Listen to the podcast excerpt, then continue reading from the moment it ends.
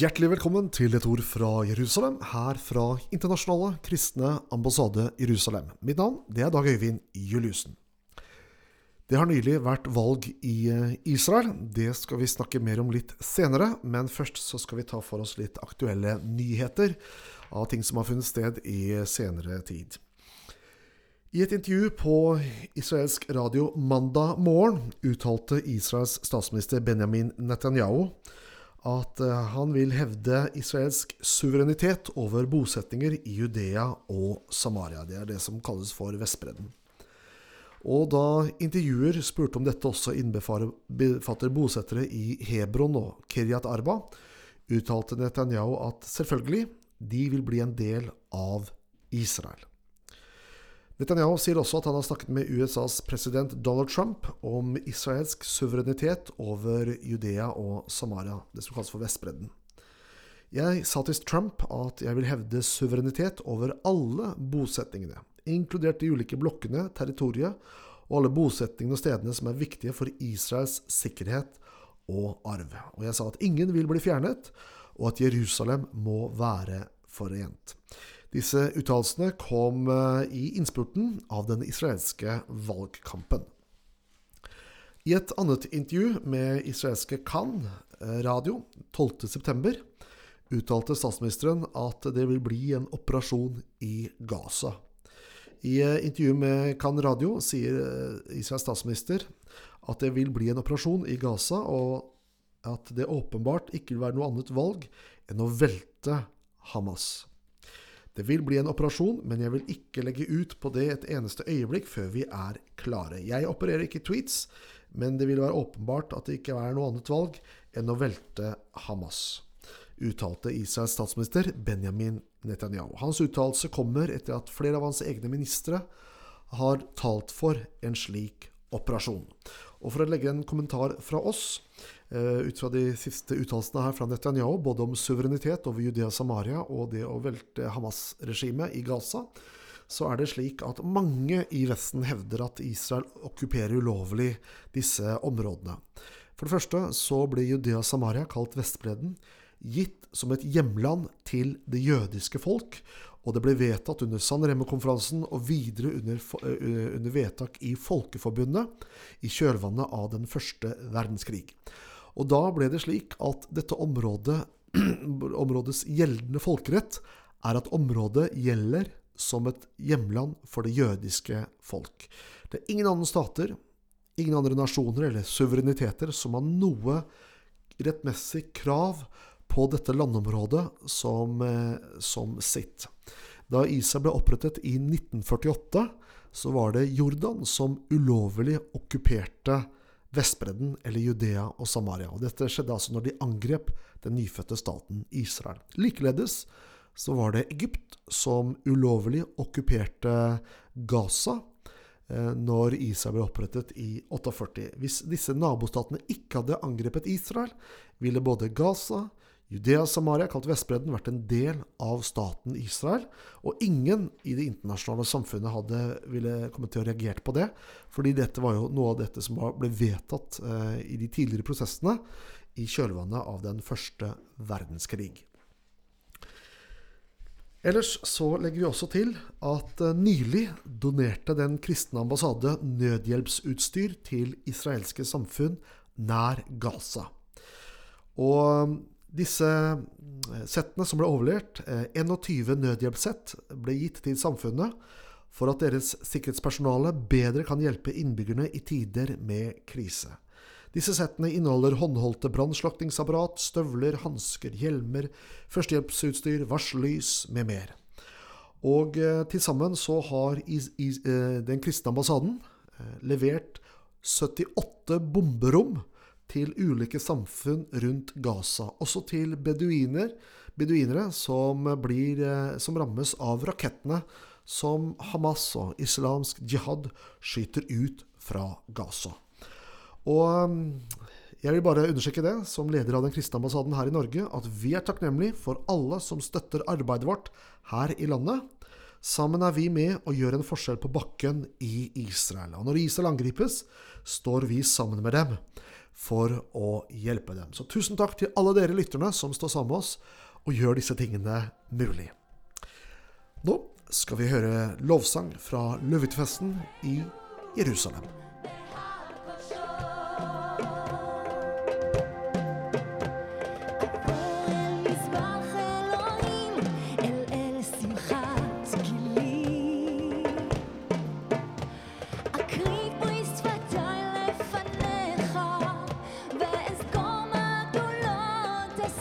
家。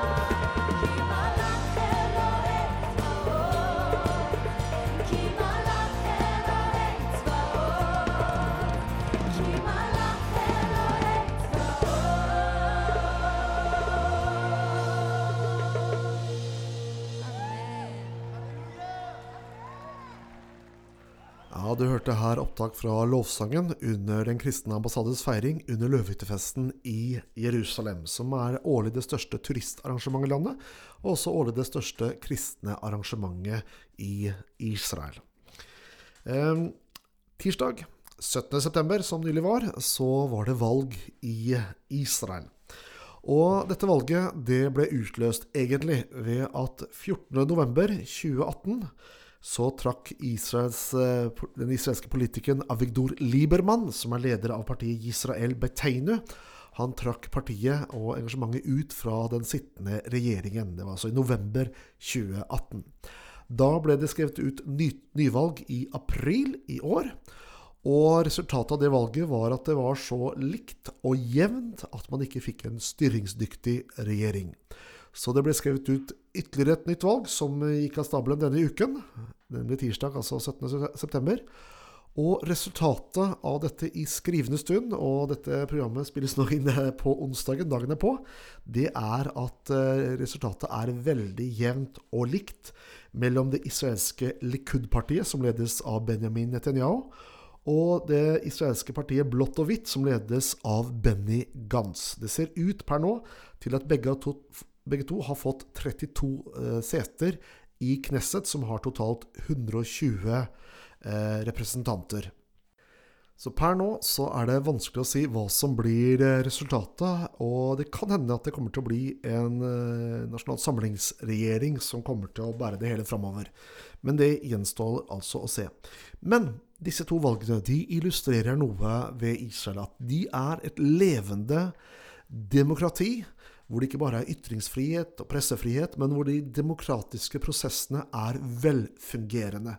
Et annet aspekt er jo også at flere av statslederne har blitt dømt i det israelske rettsvesenet ved flere anledninger, noe som er utenkelig og fjernt i Israels naboland. I hele Midtøsten og Nord-Afrika så er Israel en sterk kontrast til ulike typer diktaturer. Vi kan si at her, vi, her har vi en oase i et landskap av ørken, av totalitære regimer som råder grunnen eh, på store deler av området.